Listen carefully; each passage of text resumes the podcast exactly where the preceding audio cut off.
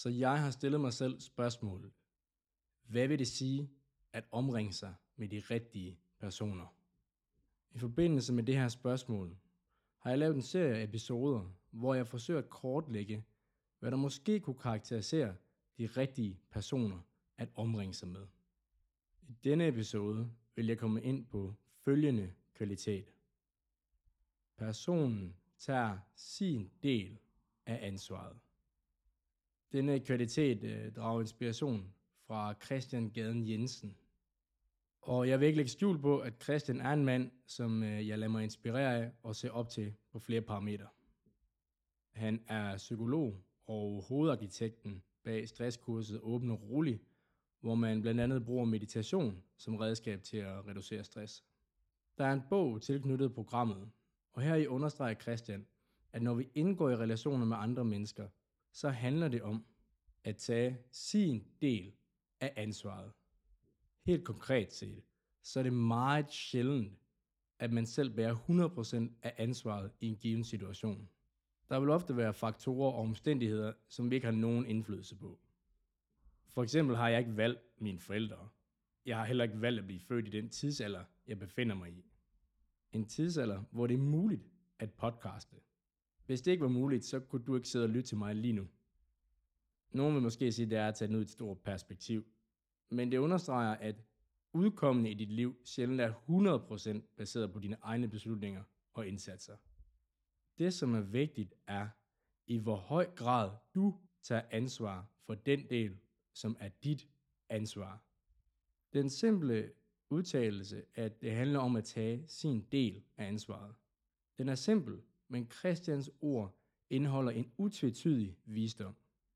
En uundgåelig præmis af at indgå i relationer med andre mennesker er, at det kan medvirke til ubehag. Og her mener jeg altså helt konkret følelser, som er ubehagelige at sanse i krop og sind. Lad mig lige gøre det klart, at min pointe er ikke en i retning af, at kærlighed og sorg er to sider af samme mønt. Sådan noget papegøjesnak kan du finde på Tumblr. Det jeg understreger er, at vi som mennesker er født med et biologisk funderet følelsesregister. Jeg behøver ikke at kende dig eller vide, hvad du har oplevet, for at vide, at du har oplevet et kontinuum af følelsesindtryk, herunder vrede, nedtrykthed, glæde, angst, afsky osv. I psykologien snakker man om det, man kalder basale emotioner, det vil sige følelsesudtryk, som er forbundet med de samme spontane ansigtsudtryk på tværs af kulturer, samt de samme ændringer i fysiologi. Det er altså en selvfølge af at være menneske, at man føler noget. Og nogle af de her følelsesindtryk er ubehagelige. Og jeg gør det lige klart, at vi snakker ikke om holdninger og synspunkter her. Jeg kan ikke vælge at synes, at frygt skal mærkes behageligt i min krop. Jeg kan godt have tanker om, hvorvidt det er godt eller ej. Det er en normativ vurdering om de sansindtryk, der er i min krop. Men selve de rå, konkrete sansindtryk, som udgør frygten i min krop, de fornemmes som ubehagelige. I den psykologiske litteratur har de et lidt flot ord for det. De snakker om, at det er den hedoniske tone af en følelse. Nå, nok nørderi. Som mig, dig, os alle, vi kan synes, hvad vi vil, men uanset hvad, så kommer vi med nogle præinstallerede følelsesprogrammer. Dem er vi underlagt som mennesker. Det er ligesom, når du køber en ny computer, så er der installeret nogle programmer på den fra starten. Andre mennesker kan påvirke vores følelsesregister. Og her mener jeg ikke nødvendigvis, at de har magten over en. Det er blot, at noget, de kan gøre, kan medvirke til en følelsesmæssig respons i vores krop og sind. Hvis vi skal forsimple det, så er det lidt ligesom en input-output-respons i en computer. Det er ikke fordi det som sådan er godt eller dårligt, jo det kan vi så tænke om det, men det er nu sådan en gang maskineriet er sat sammen. Hvis du har en grad af bevidsthed, så vil du have bemærket, at du nødvendigvis ikke har en intention om at føle en følelse, inden du føler den. Og det samme med tanker. Du tænker ikke, at du vil tænke en tanke, inden at den opstår. Så det her, det er nogle processer, der ofte er selvaktiveret og gør sine ting, også uden vores intention. Så jeg prøver ikke at fremlægge et argument om, at vi skal passe bedre på hinanden som sådan. Det skal vi måske også. Men mit argument er, at grundet vores biologi og måden, hvorpå mennesket er skruet sammen, så vil andre mennesker uundgåeligt være en variabel i den ligning, som er dit følelsesliv. Det kan så være, at den variabel ikke er særlig stor. Det er den nu nok. Og så kan det variere fra person til person, men det er stadig, uanset hvad, en variabel, som påvirker, hvad vi kan kalde følelsesligningen. Mennesker, som tager sin del af ansvaret, de forholder sig til den variabel i ligningen, som er deres ansvar, uanset hvor stor eller lille den er. Lad os sige, at jeg skal formulere til min ven Jonathan, at hans tilgang til styrketræning er suboptimal, i det at den ikke bringer ham de resultater, han siger, han gerne vil opnå. Så får vi en god dialog, og han omlægger hans træningstilgang. Men han fortæller mig bagefter, at han bemærkede, at jeg ikke var villig til at give ham taletid. Han havde et klart indtryk af, at jeg ikke var nærværende, når han skulle give sit syn på sagen. Så selvom han endte med at følge mine anvisninger og var glad for omlægningen, så var jeg ikke nærværende, når han fortalte. Hvis jeg skal tage min del af ansvaret her, så vil det indebære, at jeg forholder mig til de konsekvenser og effekter, det manglende nærvær havde på vores interaktion. Uanset om jeg havde ret i forhold til hans træningstilgang eller ej. Om så det bare var en lille variabel i ligningen. Om så det er en lav værdi, der lige bliver plusset ind i afslutningen, efter at de andre variabler blev ganget ind i hinanden, så er det der stadig. Så når en person bemærker, når det gik over grænsen, var unødvendigt hårde i tonen, eller lå sig lede af uhensigtsmæssige motivationer, for eksempel bitterhed, jalousi eller skadefro, og så tage ansvar for de handlinger, om så de blot udgjorde 10% af ligningen, så tager de deres del af ansvaret. Podcasten hedder jo Pragmatisk Visdom, så nu skal vi have lidt øh, pragmatik ind over. Så hvordan bliver man klar over, hvorvidt en person tager sin del af ansvaret? Jeg vil mene, at der er nogle maksimer, vi kan fremsætte, som kan hjælpe med at afgøre, hvorvidt en person tager sin del af ansvaret. Måske du tænker nu, hvad fanden er en maksime? Så den helt kort sagt, så er en maksime visdom kondenseret til en sætning. En form for handleforskrift, kan man sige. Måske man kunne kalde det en form for visdomsbaseret tommelfingerregel. Det vil sige, at det ikke nødvendigvis altid passer, men at det er værd at være opmærksom på. Okay, så den første maksime, jeg vil fremsætte er, hvis du aldrig oplever personen sige undskyld, så praktiserer de formentlig ikke at tage sin del af ansvaret. Som jeg sagde tidligere, så handler det om at tage sin del af ansvaret. Om så det blot udgør en meget lille del eller aspekt af det samlede ansvar. Hvis man lever i overensstemmelse med det her, så følger det også, at man alt andet lige vil sige mere undskyld. Undskyld for den forseelse, som var ens ansvar. Vi er som mennesker fejlbare, så vi vil indgå i adfærd og handlemåder, som er uhensigtsmæssige. En vis og kompetent meditationslærer, som jeg personligt er meget inspireret af, Shinzin Jung, kommer ind på det her. Han understreger, når man begynder at vågne op til naturen af ens sind og dets dynamikker, så finder man ud af, hvor dysfunktionel man egentlig er. Den kendte psykolog Carl Jung sagde det også meget godt med udtalelsen, There is no coming to consciousness without pain. Jeg læner mig op af begge disse udtalelser. I takt med, at jeg selv har opnået en større sanseklarhed omkring, hvad der foregår i mit krop sind system, samt øget de standarder og krav, jeg stræber efter at efterleve, Desto mere tydeligt er det også blevet, hvorledes jeg i fortiden og i diverse domæner har handlet med manglende integritet. Det vi er ude efter her er netop ikke folk, som ikke vil erkende deres mangler og begrænsninger, men netop dem, som er bevidste om dem og tager ansvar for dem. Det er de her mennesker, som tager sin del af ansvaret. Så pointen er, en person, som bevidst tager sin del af ansvaret, vil sige undskyld. Dette betyder dog ikke, at fordi en person siger undskyld, så betyder det, at de tager sin del af ansvaret. Fordi at A leder til B, så betyder det ikke nødvendigvis, at B leder til A. Det her er en rigtig vigtig distinktion.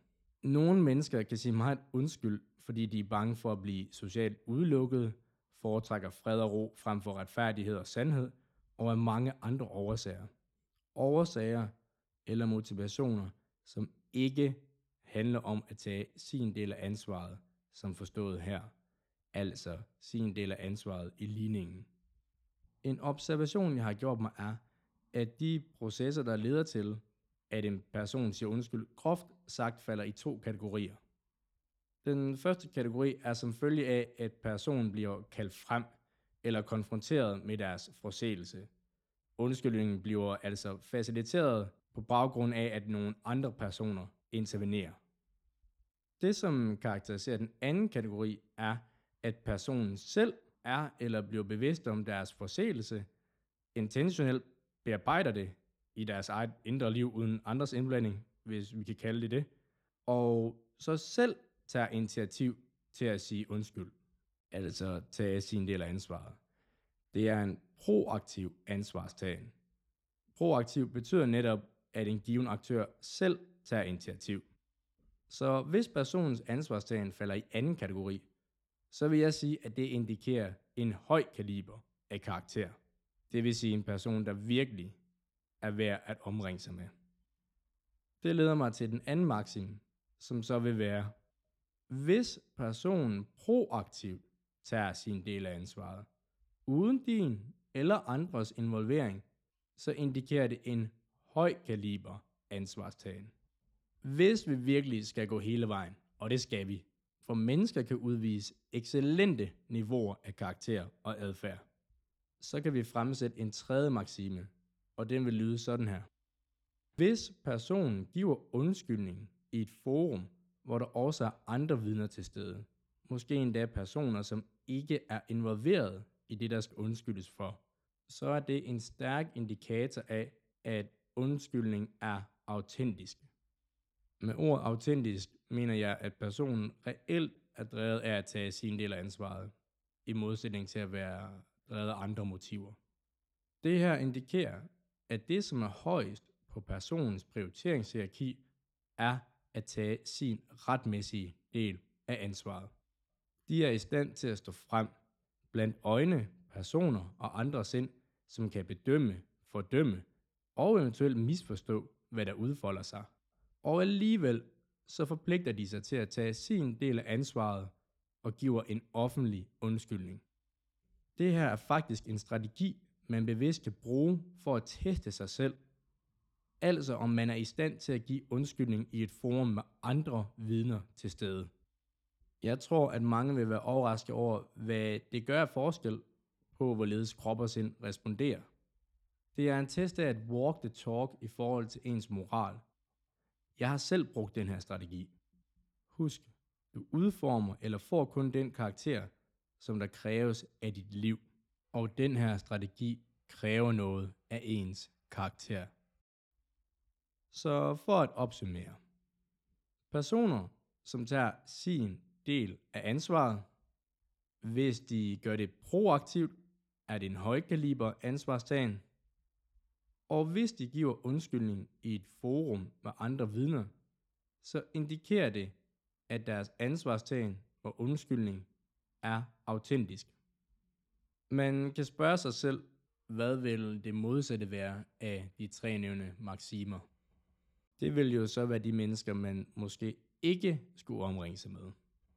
Det vil være en person, som ikke tager sin del af ansvar, selvom de har et. Og det har vi alle i de fleste situationer. Måske de giver modstand mod at uvillig eller decideret forsøger at undgå at tage sin del af ansvaret. For eksempel kan det være, at de laver diverse former for undskyldninger og mental gymnastik, som min gode ven Mik kalder det.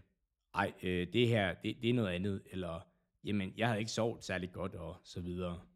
Husk, at selvom der er årsager og forklaringer til, at man handlede, som man gjorde, så har du stadig en del af ansvaret. De moralske regneregler i ligningen, de ændrer sig ikke. At kunne forklare er ikke det samme som at tage ansvar.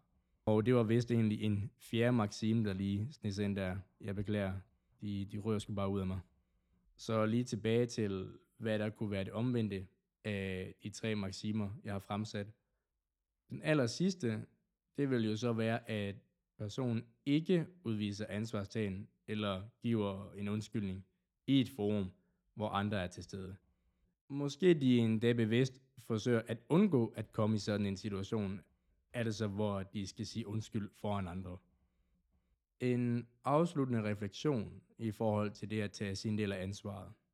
Hvis jeg meget kort skulle understrege, hvorfor det lige netop er denne kvalitet, jeg har valgt at fremhæve. Prøv at placere følgende spørgsmål i din opmærksomhed.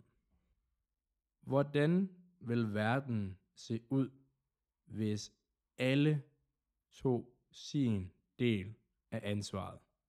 Lad os gøre det mere lokalt.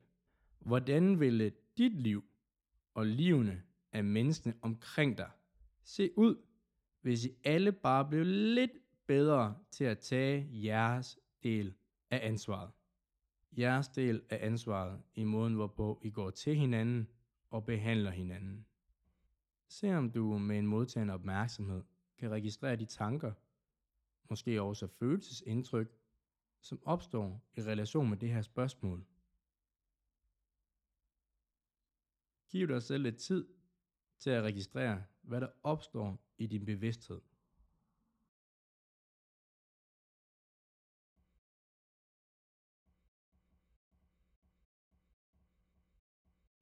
Nu kan jeg ikke vide, hvad der helt konkret kommer op.